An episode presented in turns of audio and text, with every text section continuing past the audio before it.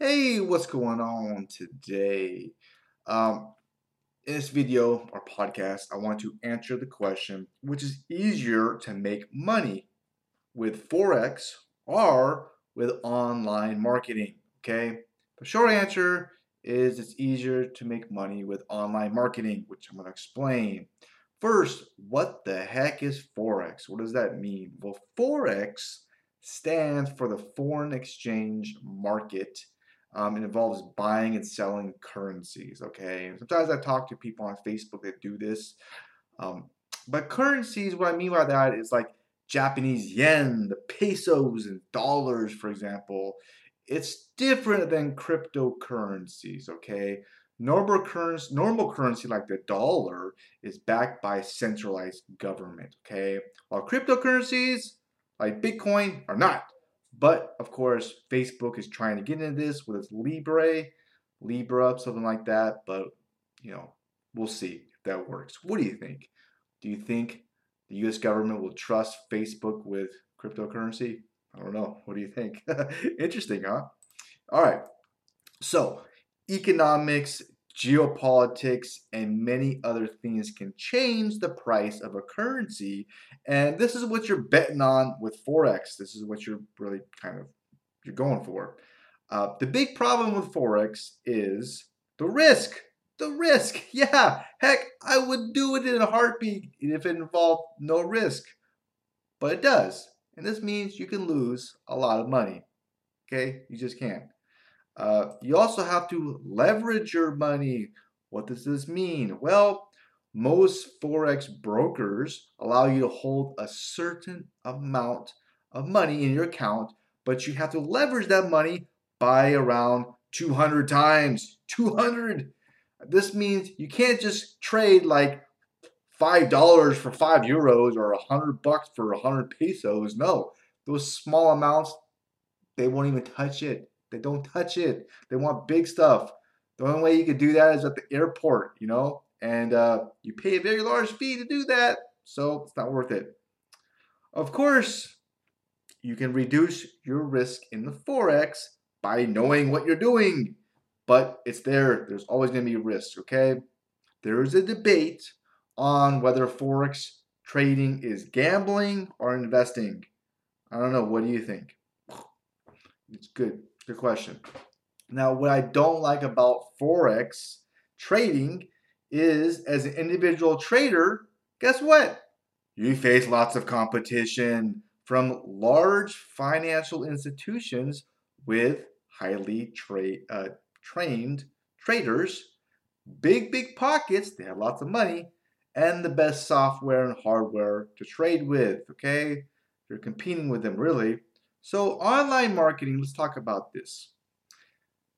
It's a very broad term, online marketing. Uh, so, I'm just going to talk about affiliate marketing.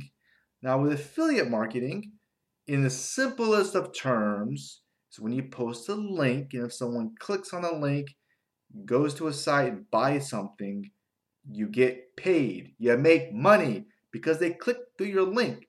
Very simple. I completely understand it. Okay.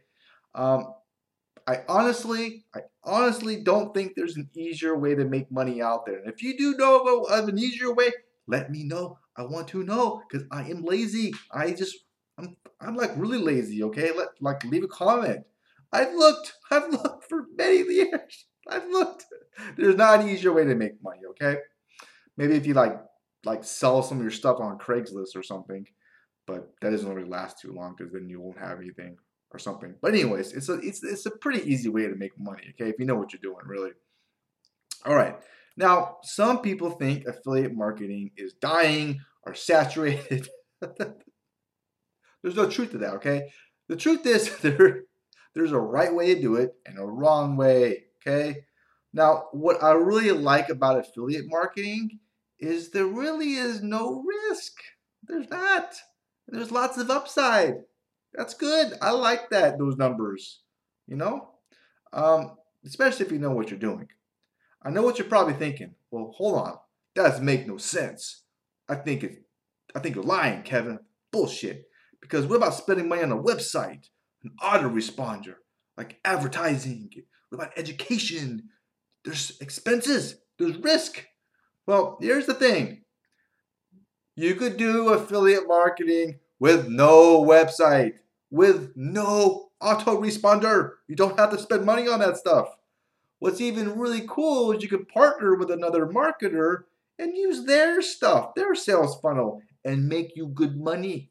Good mula mula. Okay? This makes everything so much easier.